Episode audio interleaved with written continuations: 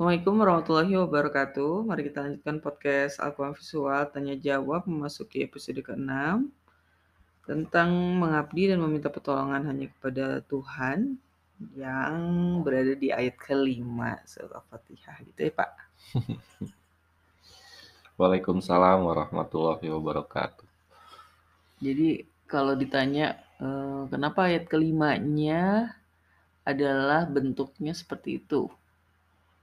A'udzubillahi minasyaitonirrajim. Iyyaka na'budu wa iyyaka nasta'in.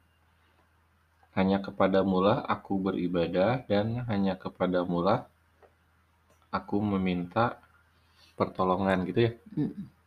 Kalau kita kan udah tahu tuh ayat kedua sampai empat itu statement dari Allah dari Allah. Yang sekarang ayat kelima statement dari manusia. Nah, kenapa bisa tiba-tiba switching dari statement Allah ke statement manusia? Nah, kenapa itu? Al-Fatihah juga eh Al-Fatihah.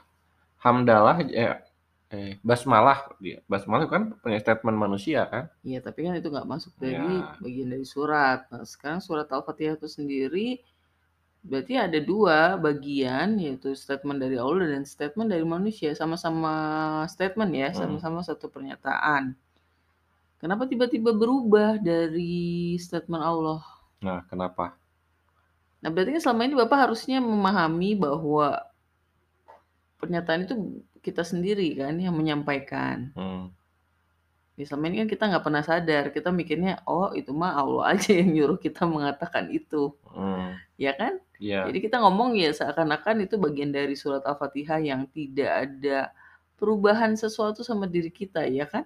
Ya. Nah, jadi gimana kan Bapak sekarang udah diajarin tuh ayat 2 sampai 4 maknanya begini-begini begitu.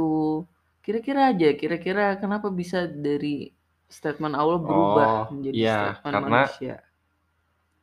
eh, ini aja ya, bahwa eh, di awal kan Allah itu sudah me- memposisikan dirinya seperti apa gitu.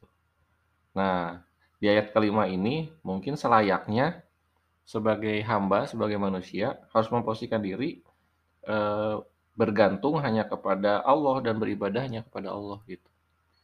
Emang beribadah itu apa, Pak? Beribadah sesuai yang Allah perintahkan selanjutnya. Maksudnya? Kan Allah kan memberikan perintah di bumi eh, beribadah sesuai yang Ih, Bapak mah itu mah cheating dari ayat sebelum. Hah? Dari ayat di belakang itu mah tentang bagaimana makna beribadah. Maksudnya kalau kita kan memahaminya bahwa jangan lihat dulu ke belakang bahwa Allah sudah memerintahkan manusia di bumi untuk beribadah kan. Kita fokus Atau aja sama bersiap. bersiap akan men- menerima perintah Allah dan menjalankannya. Gimana tuh? kita kan fokus sama apa yang udah kita baca di ayat 2 sampai 4. Jangan lihat ke belakang dulu gitu. Kita pura-puranya kan nggak tahu bahwa ada ayat-ayat lain yang Hmm. menyertai. Nah, dari kemarin yang kita udah bahas tentang hari pembalasan tuh, Pak. Ya ya. Kita udah bahas tentang hutang, tentang eh, bahwa kita punya beban, Ya. ya kan? Hmm. Sebetulnya dari konsekuensi apa yang kita bahas kemarin, maka kita udah bisa sadar bahwa kita tuh do- harus doing something di dunia kan. Ya. Nah, dari situ aja gitu, bahwa dari bagaimana kita memahami kehidupan dari awal sampai akhir, bahwa ada yang harus kita lakukan, ada yang nanti akan dipertanggungjawabkan.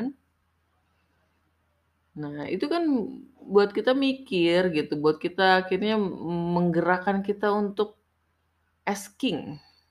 Sebetulnya ini pertanyaan memang eh, satu pernyataan pernyataan yang eh, statement dari manusia yang tapi sebetulnya ada unsur meminta ya kan. Makanya juga hanya kepadamu kami mengabdi, hanya kepadamu kami meminta. Nah, tapi Hmm. meminta itu konteksnya, nah kemarin-kemarin juga saya sempat salah kaprah gitu soal meminta gitu. Karena mikirnya meminta itu sama dengan kayak kita berdoa untuk hal-hal lain di luar urusan ibadah mengabdi ya. Tapi ternyata ini adalah satu paketan. Jadi nastainu itu ternyata hanya beberapa kali muncul di dalam Al-Quran dan kaitannya dengan eh, sesuatu yang sesuai dengan apa yang Allah tetapkan. Kebaikan-kebaikan. Hmm. Jadi tapi tetap konteksnya adalah meminta pertolongan. Jadi Intinya memang, eee, bahwa kita tuh sadar dari ayat 2 sampai 4 tuh sadar bahwa kita tuh nggak mungkin, eee, kita tuh memang harus doing something gitu kan. Oke. Di dunia. Nah, what kind of gitu, seperti apa bentuk doing something-nya dan bagaimana berbuat sesuatunya. Makanya kita langsung menegaskan bahwa, ya pastinya kita tuh harus sesuatu melakukan sesuatu yang memang hanya untuk Tuhan gitu kan. Gimana Iya. dulu nggak logikanya gitu, logikanya bahwa kita harus ngebayangin dulu di ayat 2 sampai 4 itu yang kemarin tuh sampai mantep banget ya, sampai tentang Alhamdu, tentang Rob, tentang Allah, tentang Malik. Terus kita ngebayangin, terus kita mesti ngapain dong di dunia gitu kan, Pak? Iya. Nah, tapi ngapain kita di dunia itu bukan berarti, ah, ya udahlah suka-suka gue lah ngapain, ya nggak bisa. Karena apa? Ada hari pembalasan. Pembalasan. Ada yang bakal dipertanggungjawabkan dan kita tahu bahwa penguasa dan pemilik itu hanya ada Tuhan. Kebayang ya, dari situ Hmm. kita langsung mikir, oh berarti kalaupun kita harus doing something, itu pasti untuk Allah juga. Iya kan? Tapi how to doing something itu juga hanya Allah yang tahu. Oke. Makanya iya karena budu, wa iya karena stain. Hanya kepada mula aku ber mengabdi ya. Wa iya karena stain. Tapi na'budu itu kan diartikan doing something sekarang. Mhm. Sebetulnya arti na'budu itu apa, Pak? Kalau diterjemahan sih beribadah. Ibadah itu maksudnya apa, Pak? Beribadah tuh Kalau kita makan ibadah nggak, Pak? bisa bernilai ibadah. Kalau? Kalau sesuai dengan yang eh, Allah perintahkan, Allah sukai. Allah ridho gitu ya apa bahasa? Kalau kita tahu kita sesuai dengan yang Allah ridho atau tidak, caranya? Belajar dari Al-Qur'an. Masa sih? Emang Bapak pernah baca Kan perintah belum ya? Quran, pernah makan perintah makan di Quran pernah nggak? Ya, tentang halal, tentang ha- yang halal, yang haram. Oh gitu. Hmm. Jadi maksudnya, jadi Bapak mendefinisikan sesuatu itu bisa bernilai ibadah kalau sesuai dengan yang Allah tetapkan. Ya. Kebanyakan orang memang menyatakannya seperti itu. Hmm. Tapi kalau saya mendefinisikannya bahwa semua yang kita lakukan di dunia ini adalah pengabdian. Pengabdian pada diri sendiri, pengabdian pada orang lain, pengabdian pada eh, apa ya?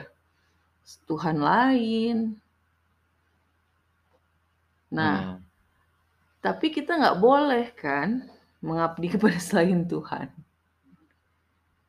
Oke, jadi Jadi maksudnya apa? Maksudnya gini. Maksudnya semua hal yang kita lakukan sebetulnya adalah pengabdian. Kita nggak bisa ngomong bahwa ada hal. Jadi kan kita kan suka men- mendefinisikan ibadah itu hanya sesuatu yang spesifik. Eh, pertama adalah ibadah-ibadah eh, rutin. hmm, Ibadah-ibadah apa namanya? Pak? ritual. Ritual, ibadah-ibadah yang eh, ada fikihnya gitu. Ibadah-ibadah yang dalam Al-Qur'an gitu. Seakan-akan eh, hidup kita tuh terpisah antara eh, ibadah dan tidak ibadah. Ya, ya, ya. Walaupun ada orang yang bilang tidur juga ibadah. Nah, kita bingung tuh. Tidur ibadah. Nah, tidur ibadah kalau sesuai dengan ketentuan Tuhan gini gini gini gini. Hmm. Jadi seakan-akan kita bisa milih ya, Pak ya, melakukan Ya. ibadah atau tidak. Ya, ya, Kalau ya. kita tidak melakukan eh, ibadah, kalau kita tidak melakukan sesuai dengan ketentuan Tuhan, maka itu bukan dinamakan ibadah. Nah, sebetulnya konsep itu menurut saya terlalu eh, terlalu sulit lah, Hmm. terlalu memisah-misahkan sesuatu. Ya, ya. Oh, saya lebih suka mendefinisikan bahwa ibadah itu adalah everything we do. Apa pun yang kita lakukan itu adalah ibadah. Jadi, Masalahnya hanya ibadah pada siapa. oke. Pasti Gitu. ada latar belakangnya kita melakukan sesuatu Iya, itu. betul. Jadi Karena Allah atau bukan karena Allah. Tapi kalau bukan karena Allah, itu juga ibadah juga. Tapi Iya, kepada yang betul. lain, begitu. makanya Oke. kalau kita bicara tentang ibadah ya kita harus benar-benar ngerti dulu makna mengabdi, pengabdian. Definisi ibadah tuh mengabdi. Nah, Ap- iya. Sekarang, eee, yang jadi pertama itu dulu ya, bahwa, eee, kita tuh jadi tahu bahwa pengabdian itu sebetulnya bisa kepada orang lain, bisa kepada manusia, eee, juga. Misalnya kita mengab Hmm. bu eee, bucin apa Pak, bucin? Ibadah juga. Budak cinta. nah, kan. Jadi ibadah pada orang yang kita cintai kan namanya bucin, jadi budak cinta, kita menjadi budak. Nah, ini kan juga sebetulnya abdi itu diartikan eee, budak. Definisi budak apa, Pak? Eee, nurut kepada majikannya. Nurut pada majikannya. Apa pun yang disuruh dikerjain. iya. Nggak boleh ada pilihan, Pak? Nggak ada pilihan. Kita sekarang masih asi masih ada perbudakan atau enggak, Pak? Nggak ada ya. Nggak ada, kecuali budak cinta. Ya, budak cinta dan budak harta dan Bedanya budak apa perbudakan zaman modern sama perbudakan zaman dulu, Pak? Kalau zaman zaman dulu kan manusia ya itunya, eee, juragannya, eee, apa, yang memberikan pengabdiannya. Kalau zaman sekarang bukan manusia, Sekarang Pak? bukan, lebih ke teknologi mungkin, lebih ke Yang bikin teknologi kan manusia, Pak. manusia, ya itu kan teknologinya lah ya. Ya sama aja, bedanya dulu sama sekarang adalah kalau dulu nggak ada agreement. Misalnya Bapak kerja di perusahaan, Bapak diperbudak nggak sih sebetulnya? Bapak punya klien, Bapak, eee, disuruh ngejar-ngejar duit, suruh ngejar-ngejar kerjaan sama orang, disuruh ngerjain apa yang orang lain pengen, itu perbudakan bukan sih, Pak, sebetulnya? Iya juga ya. Makanya Bapak kalau dia disuruh, eee, apa, diinterupsi pas lagi nelpon klien kan ribut. Karena Hmm. Bapak ngerasa, ya Bapak lagi melakukan sesuatu hal yang sangat penting, yaitu mencari uang. Jangan ganggu, nanti uangnya pergi. Ya karena pada dasarnya kita diperbudak sama perusahaan, ya kan, Pak? Hmm. Kita diperbudak sama klien, kita diperbudak sama cinta, sama pasangan, kita diperbudak sama sekolah. Bapak tahu nggak sekolah memperbudak kita? Gimana? Loh, Bapak nggak ngerasain ya dulu waktu sekolah? Enggak, masih menikmati. Enjoy. Enjoy aja ya, nggak sadar Gimana? kalau kita diperbudak sama sekolah. Ya, dulu zaman sekolah kan kita harus, eee, mmm, belajar sesuai jadwal, sesuai dengan jadwal yang sudah ditetapkan, kita nggak bisa bikin agreement Hmm. bahkan ya. Lalu ketentuan-ketentuannya harus dipenuhi, standarnya harus Agreement tuh kan dipenuhi. bikin dari awal bahwa Bahwa sekolah kita sudah mau diperbudak oleh sekolah gitu. Iya, bahwa seko kita mau mengikuti aturan main sekolah Iya, gitu kan. intinya kan kita mau diperbudak sama sekolah gitu ya, Itu Pak, ya. itu mah agreement. Agreement kan kadang-kadang kita nggak ridho ya kan, Pak? Kita bikin agreement, ya nggak? Banyak agreement yang sebetulnya dalam perjalanannya kita nggak bisa, eee, menawar. Kayak misalnya Hmm. perusahaan, awalnya kita memang bikin agreement, I agree, tapi panjangnya per mmm, apa, agreement-nya ada 5 halaman yang kita nggak akan baca. Dan ternyata dalam perjalanan kita kerja sebagai karyawan ada aja yang merugikan kita, ya kan? Ya nggak sih, Pak? Gitu. Pasti ada lah yang namanya tidak sesuai dengan keinginan kita, tidak sesuai dengan harapan. Walaupun kita bilangnya agreement agreement tanda tanda kutip, bahwa kita dipaksa melakukan suatu agreement, ya kan? Sebetulnya apa bedanya dengan zaman dulu? Bedanya zaman dulu hak-hak manusia sebagai, eee, yang bahkan tidak ada agreement-nya gitu ya, tapi sebetulnya slight banget gitulah. Kita tuh di zaman sekarang perbudakan antar manusia, kayak misalnya Bapak kerja di pabrik, ya kan? Seakan-akan agreement, "Oke, kamu nanti, eee, kerja terus kamu dapat, eee, lembur." Tapi apakah kita bisa menolak? Kalau enggak, ya kamu nggak dapat uang, kalau nggak dapat uang, ya kamu dipecat. Kan sebetulnya itu adalah, eee, perbudakan ya. Hmm. Akhirnya kita sadar bahwa everything, eee, di dunia ini kalau kita tidak memperbudak diri di depan Tuhan, sebetulnya kita diperbudak manusia lain, diperbudak orang lain, ya kan? Ya Mau diperbudak sama harapan dan cita-cita dan keinginan termasuk nggak? Itu namanya delusi. Namanya mimpi-mimpi yang kosong. Ya bisa aja, pada dasarnya kita akhirnya jadi ngikutin hawa nafsu kita, ya kan, Pak? Iya. Diri kita sendiri sebagai Tuhan. Nah, kita sadar dulu bahwa, eee, perbudakan itu terjadi di mana pun, di setiap tempat di dunia dan Tuhan bukan satu-satunya Tuhan. Allah bukan satu-satunya Allah bukan sang Tuhan di sini, gitu. Hmm. Makanya kita jadi jadi, eee, mikir bahwa memang, eee, harus kita sadari dulu bahwa ayat ini tidak bicara tentang Tuhan saja gitu ya, tapi bicara tentang Tuhan-Tuhan lain, rob-rob lain, malik-malik lain. Yang itu bisa termasuk diri kita sendiri, yang menuhankan diri kita sendiri. Ya kan, Pak? Iya. Kembali ke ayat 5 ini. Mhm. Wa iyyaka na'budu wa iyyaka nasta'in. Ini kan bisa jadi ada dua ada dua kemungkinan nih yang saya yang saya rasakan. Itu bisa jadi statement-nya memang statement-nya manusia bahwa hanya kepadamu lah aku mengabdi dan hanya kepadamu lah aku eee, Minta pertolongan. meminta pertolongan. Atau tetap statement Allah bahwa Anda harus begini gitu. Anda harus menyatakan ini kepadaku begitu. Mmm, nah ini menarik sebetulnya. Dalam Quran, eee, kalau Emang semuanya kita statut semuanya statement Allah sih dalam Al-Quran kan. Iya iya jelas. Eee, tapi maksudnya, eee saya sih melihatnya ada dua kemungkinan, ada celah dua celah itu. Ya emang benar, memang benar ini adalah statement Allah yang Allah bikin untuk manusia. Tapi kita harus ingat bahwa manusia itu punya free will ya, punya kehendak bebas, punya kesadaran, punya otak dan keinginan untuk berpikir. Jadi memang agama itu ada dua keadaan. Allah memberikan tuntunan pada manusia, tapi manusia juga harus meraih tuntunan itu gitu. Jadi intinya gini, Pak, kalau Bapak ngasih makan anak, Bapak kan nyodorin mulut eh, nyodorin sendok tuh ke mulutnya. Iya. Terus kalau anaknya diem aja gimana, Pak? Bapak nyodokin nggak? Iya. Terus kalau anaknya kesel, dibuang kan? Iya. Nah, jadi intinya ada dua dua sikap aktif. Sama-sama harus proaktif. Tuhan harus proaktif dengan menyodorkan bahwa iya karena budu, iya karena statement yang harus manusia sam capai ya kan. Tapi manusia juga harus proaktif untuk mencapai itu. Ya, jadi nggak akan mungkin terjadi kalau, mmm, kalau Allah memaksakan manusia seperti yang tadi kita misalkan anak dima dimaksa, tapi anak punya free will, anak sembur tuh makanannya ke muka ayahnya, kan nggak ada masalah ya kan. Ya itulah kehidupan gitu intinya. Jadi kita juga mungkin bisa jadi selama ini menyemburkan statement ini, walaupun Allah nyuruh kita untuk menyatakan statement, "Ya hanya kepada aku kamu mengabdi," gitu kan. Tapi manusia nggak mau tuh, "Ah, enggak ah." Walaupun kita ngomong, ngomong sih di mulut tapi tidak di hati gitu, karena kita ngerasa, "Enggak, saya nggak mau mengabdi hanya pada kamu."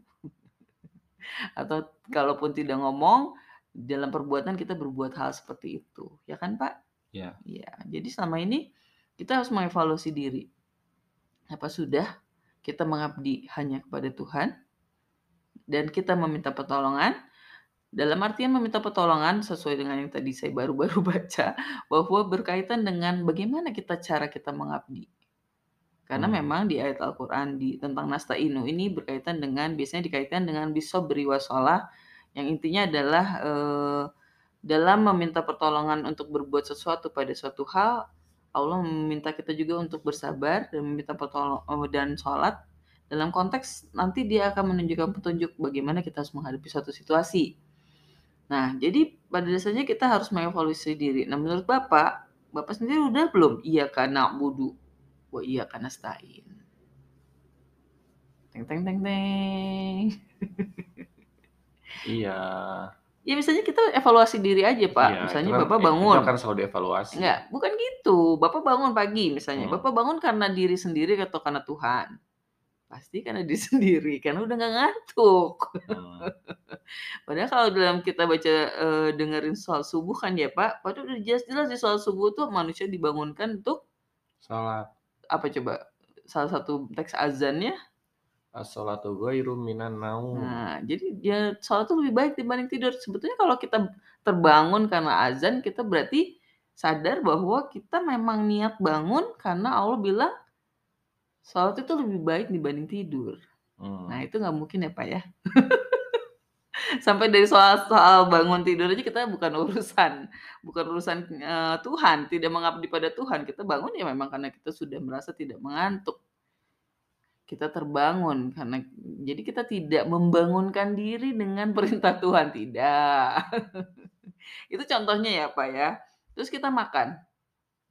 Makan itu adalah perintah Tuhan atau bukan, Pak? Perintah alam. Nah, ini menarik karena nanti kita akan nemukan bahwa makan itu adalah perintah Tuhan. Pada siapa? Pada Adam. Tapi Mmm. nanti ya. Jadi intinya bahwa, semua hal yang berkaitan dengan kehidupan adalah ada perintahnya gitu. Makanya kenapa bisa disebut ibadah, termasuk tidur. Tidur adalah sesuatu yang sudah jadi ketetapan Tuhan. Makanya Bapak tahu kalau orang yang melanggar waktu tidur, begadang untuk 2, 3 hari, ujungnya Sakit. mati. Oh, mati. Hanya dia nggak tidur 2 atau 3 hari aja dia bisa mati, ya. Jadi ini kita jadi satu statement bahwa makanya berkaitan erat ya, pengabdian dengan, eee, alhamdu, berkaitan dengan alam semesta, dengan kehidupan. Karena memang nggak mungkin lepas dari itu, gitu. Dan kalau kita menyadari bahwa statement ini adalah statement yang paling seram sebetulnya. Karena kita sadar, ya sebetulnya dari alhamdulillah juga kita udah sa udah sadar ya bahwa kita udah hidup di dunia ini tiba-tiba muncul, terus ternyata dalam ketiba-tibaan itu kita dibutuhkan diminta pertanggungjawabannya nanti di ujungnya. Jadi sebetulnya yang seremnya ya pasti di ayat 2 sampai 3 sampai 4 gitu. Hmm. Ini aja suatu, eee, kesadaran, makanya memang harus muncul sebuah kesadaran. Kalau kita tidak paham di ayat 2, 3, 4, kita masih aja mer merasa bahwa kita punya, eee, kekuasaan, kita punya kebebasan, kita boleh berbuat sesuka hati di dunia, maka tidak akan muncul iyyaka na'budu wa iyyaka nasta'in, ya kan, Pak? Nah, Iya. selama ini kan Bapak 2, 3, 4 kan bingung. Masih ngerasa raba-raba. Akhirnya tidak merasa bahwa harus ada statement yang keluar, iyyaka na'budu wa iyyaka nasta'in. Mengerikan Iya. ya, Pak? Mengerikan nggak sih? Hmm. Mengerikan nggak sih hidup ini? Kata Bapak ngeri nggak ketika kita diambil, direnggut free will-nya, serem nggak, Pak? Iya. Ya itu nggak enak kan, Pak? Jadi lebih baik nggak usah mengabdi pada Tuhan, ya kan, Pak? Iya, Bapak jadi ngerti nggak kenapa orang-orang dulu, kenapa orang-orang zaman dulu, zaman sekarang juga sih, menolak Tuhan? Karena kebebasan dia Direnggut. direnggut. Terus Bapak kenapa nggak mau menolak Tuhan? Bapak nggak sadar aja. Karena kelemahan. Karena merasakan kelemahannya kan sebagai manusia. Oh, gitu. Iya. Setengah-setengah ya, Pak, ya? Kalau Hmm. Bapak kan setengah-setengah sadar, setengah nggak sadar. Di satu titik merasa lemah, di situ titik merasa kuat. Ya karena Bapak belum iya, Kak. Iya tuh hanya ya, Pak, ya, hanya, nggak bisa bukan pada Tuhan aku mengabdi, tapi bacanya hanya, hanya itu only, only you. Hanya itu satu berarti. Nah, hanya itu nggak mungkin, tidak ada lagi, nggak ada lagi yang kita abdi kecuali Tuhan. Dan itu adalah sesuatu yang kayaknya belum bisa kita tegakkan, ya kan? Hmm. Kita masih bukan tipe orang yang mengabdi hanya pada Tuhan, ya jelas bukan. Pertama kita juga nggak tahu Tuhan itu siapa, kita nggak tahu Al-Quran itu apa. Kalau kita pikir sholat kita cukup, cukup nggak sih, Pak? Zakat nggak pernah, naik haji belum, puasa ala kadarnya.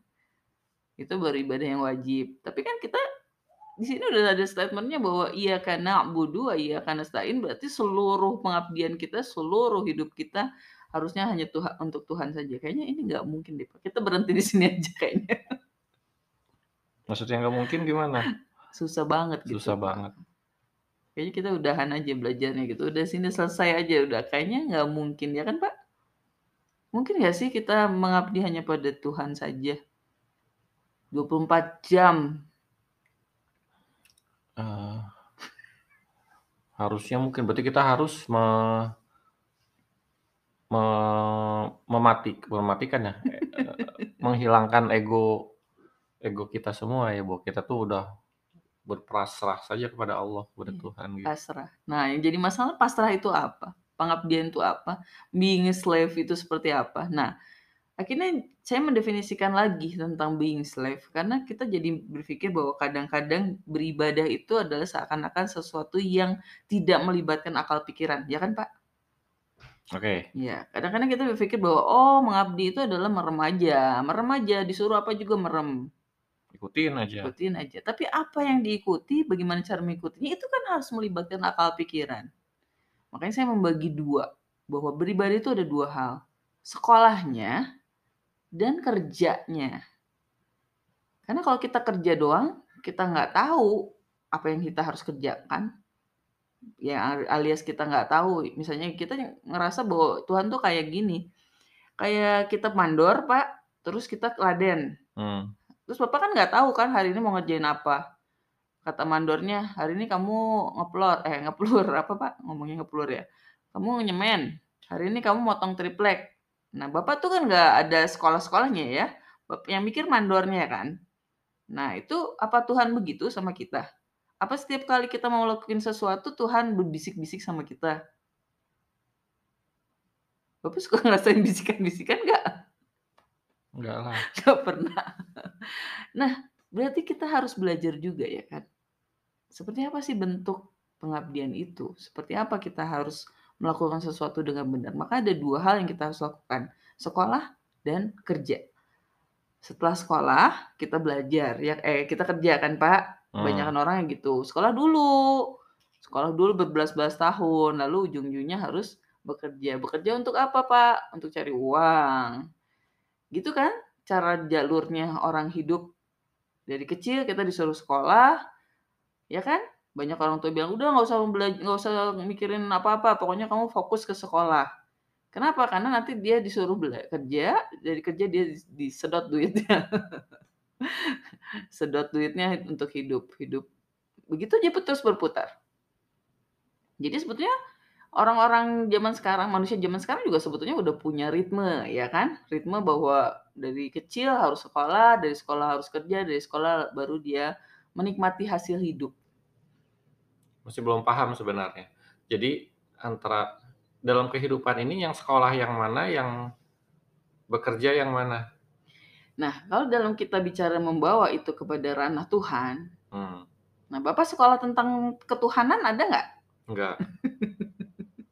Lalu gimana Bapak mengabdi soal ketuhanan? Belajar lah. Ya, berarti Bapak sekolah, Oh, iya. berarti Bapak ada belajarnya. Hmm. Tapi belajarnya Bapak tentang ketuhanan tidak 24 jam ya kan? Ya. Ya, berarti pengabdian Bapak juga tidak 24 jam ya? Sekolah kan termasuk pengabdian. Eh, jangan jangan maksudnya sekolah eh, sekolah belajar agama ya kan? Hmm. Nah, tapi kalau misalnya kita memahami bahwa ya intinya gini Pak, memang agak sulit sih. tapi gini ya, jadi kita pertama kali membayangkan dulu sekolah eh, kehidupan umum ya. Kehidupan Hmm. umum adalah kita eh, bersekolah dulu. Ya kan? Bapak dari kecil sekolah terus suruh kerja. Dari kerja itu Bapak menghasilkan uang, Bapak hidup. nah, apakah dalam kehidupan kita beragama kita juga harus begitu? Sekolah dulu, lalu belajar. Eh, lalu kerja. Lalu beribadah. Iya, iya. Jadi kan bagaimana kita beribadah kepada Tuhan terkait bagaimana kita belajar, seberapa banyak, seberapa dalam, seberapa luas.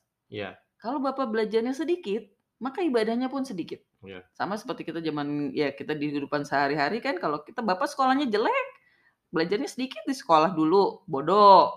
Hmm. Bodoh ya kerjanya segitu-gitunya, duitnya segitu-gitunya ya kan? Hmm. Nah, berarti sama kan eh, ritmenya. Nah, kalau sekarang ditanya, Bapak udah belajar sebanyak apa nih soal Tuhan? Kalau misalnya 24 jam aja, Bapak lebih banyak belajar TikTok atau belajar agama? Ya, memang tidak sebanyak yang di ini kan, yang dibutuhkan. Kenapa? Karena kita Hmm. tidak menganggap bahwa eh, pembelajaran terhadap urusan Tuhan itu harus terus-menerus. Karena agama gitu-gitu aja. Ya kan, Pak? Karena pengab- eh, ibadah itu segitu-gitu aja. Ibadah itu ya sholat doang, puasa doang, puasa Ramadan doang itu juga ya. Ibadahnya cuman haji doang, zakat doang. Jadi kan apa kalau misalnya dari rukun Islam itu kita cuman mengambil berapa persen sih dari hidup kita? Ya katakan 5% aja ya. Berarti kan kita juga nggak perlu lah belajar agama dalam-dalam amat. Gitu kan pikiran kebanyakan orang ya Pak? Hmm. Nah terus gimana dengan statement iya karena wudhu? Wa iya karena stain. Berarti iya kak hanya kepada Tuhan kami mengabdi. Intinya apa yang kita lakukan semua harus untuk Tuhan. Nah loh. Ya. Berarti kita semua hal yang kita lakukan juga pembelajaran kita juga harusnya sepenuhnya pembelajaran yang Tuhan suruh untuk kita belajar ya kan? Iya. Jadi ini lebih kompleks dibanding yang kita bayangkan. Kebayang nggak, Pak? Hmm. Jadi kalau misalnya Bapak belajar Quran, Bapak udah pernah belum belajar Quran sampai dalam gitu? Belum. Nah, padahal ternyata tidak sesederhana yang kita bayangkan. Orang suka bilang bahwa Islam tuh sederhana, Islam tuh sederhana, selalu begitu ya, Pak?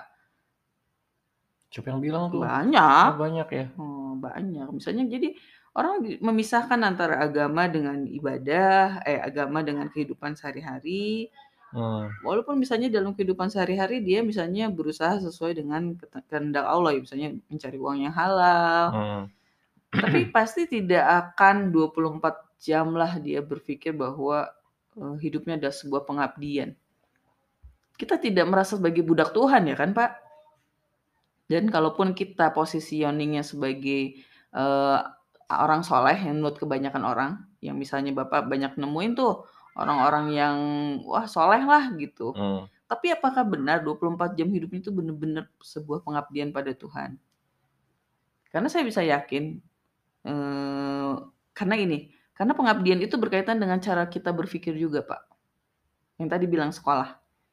Ya, jadi sekolah, sekolah dalam konteks yang saya definisikan adalah bagaimana kita juga berpikir, merasa, eh, berimajinasi, bermimpi, yang seperti tadi Bapak bilang ya, budak imajinasi dan mimpi, yang sebetulnya itu semua di switching juga Ke Tuhan. ke Tuhan, ke apa yang Allah inginkan.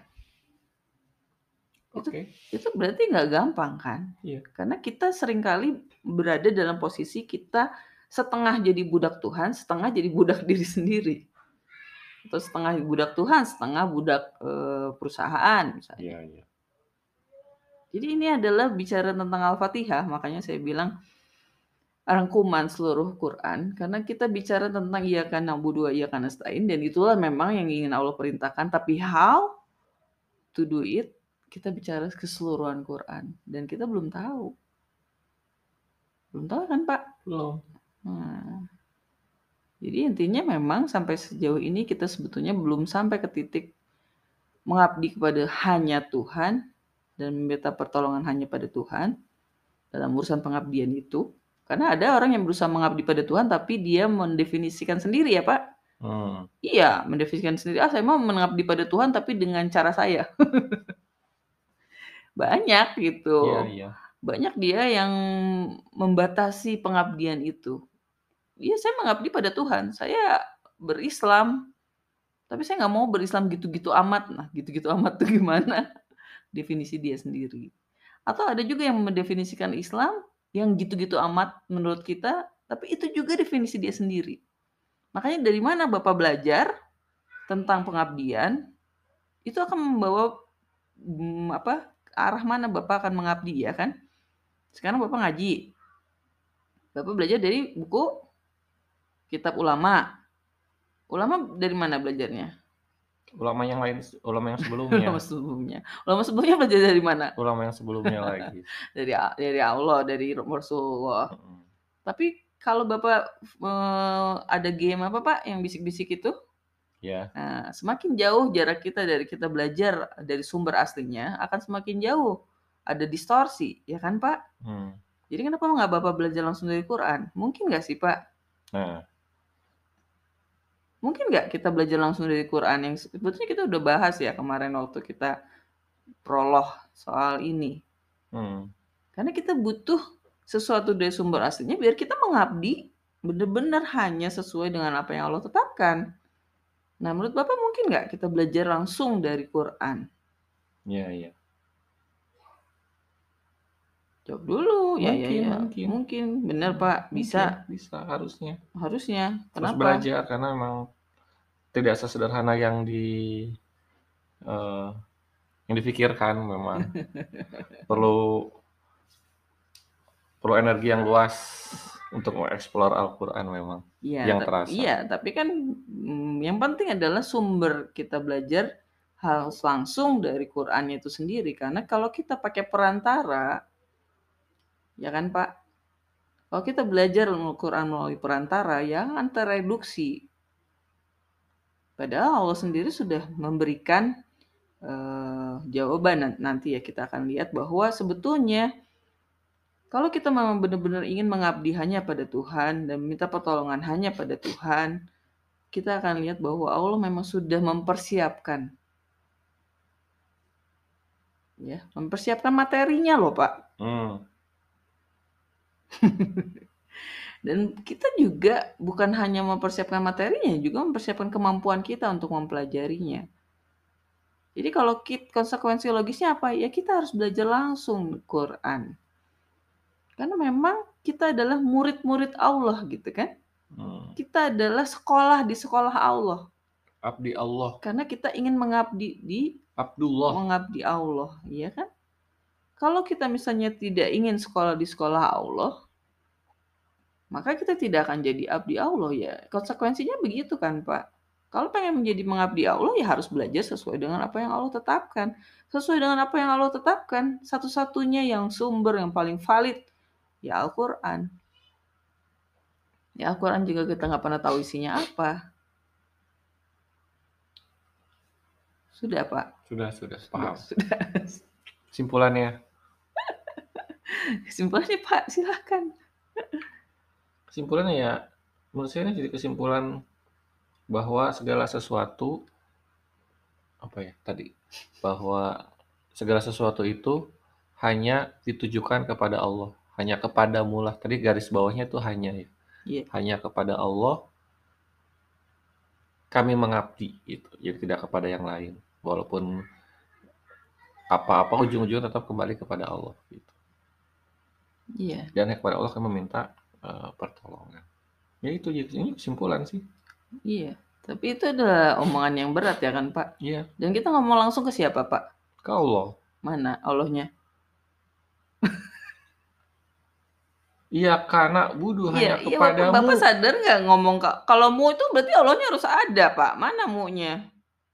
Nggak ada tuh Allahnya mana? Bapak lihat Allah, Allah lihat Bapak nggak? Ini kan lanjutan dari ayat sebelumnya. Iya. Tapi kan ini adalah katamu, berarti mu tuh face to face. Face to face itu ber... hmm. kayak kita kan Pak, face to face. Bapak nggak sadar, Allah ada di sini nggak? Allah dengar nggak omongan Bapak? Hmm. Iya nggak? Iya. Berarti ini ada agreement yang memang kita harus bangun langsung kontak ke Allahnya sendiri. Nah, Gimana caranya tuh kontak, Pak? Kita nggak ngerasa, kita nggak bisa lihat. Nah loh, gimana tuh, Gimana gimana? Nah, panjang, Pak, ceritanya. Iya, jadi bukan hanya dedicated-nya, ya kan? Kalau kita dedicated, I love you, you-nya ada di mana aja terserah gitu. Tapi kalau kita bicara tentang you di sini statementnya adalah iya kita head to head sama Allah. Wah itu nggak ada Pak, itu susah banget. Ya kan Pak? Kita ngerasa head to head sama Allah. Iya. Gimana? Yeah. Jadi apa yang harus kita bangun ya jelas perasaan head to headnya dulu. Kita berhadapan langsung dengan Tuhan dan bikin statement langsung di depan Tuhan.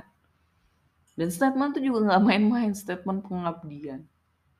Makanya nggak akan ada lah kita nggak sampai belum sampai kita sampai ke ayat 5 belum sampai iya iya ya kan pak ya sudahlah gitu. Sudah, tapi intinya eh, intinya kita alur logikanya kita paham dulu ya kan? Nanti apa sih ayat keenamnya apa ayat ketujuhnya? Kita akan belajar lebih lanjut insya Allah di pertemuan selanjutnya. Insya Allah tapi intinya bahwa uh, ya kalau kita mencoba benar-benar merefleksi diri mulai kali ini mungkin kita berusaha ketika kita sholat setidaknya ketika baca al-fatihah ada tarik ulur lah sedikit ya dalam pikiran kita.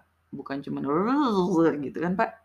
Hmm. ada usaha untuk menggali ayat 2, 3, 4 sampai ke 5 itu agar kita tahu bahwa itu adalah suatu pernyataan yang berat, sesuatu pernyataan yang ya saya sama ya kan Pak? Kalau baca apa Pak? Dasa Dharma apa sih dulu zaman kita pramuka Dasa Dharma Pramuka. Nah, gitu kan kita berjanji untuk sesuatu hal Itu kan walaupun kita udah hafal, tapi kita kan suka keinget-inget, "Oh iya saya janji nggak mau buang sampah sembarangan," gitu ya, Pak, saya lupa sih isinya. Intinya adalah ketika kita mengucapkannya, maka kita berusaha menggali apa yang kita ucapkan gitu. Ya moga-moga improvement ya, Pak, ya. Ya siap, insya Allah. Oke, Assalamualaikum warahmatullahi wabarakatuh. Waalaikumsalam warahmatullahi wabarakatuh.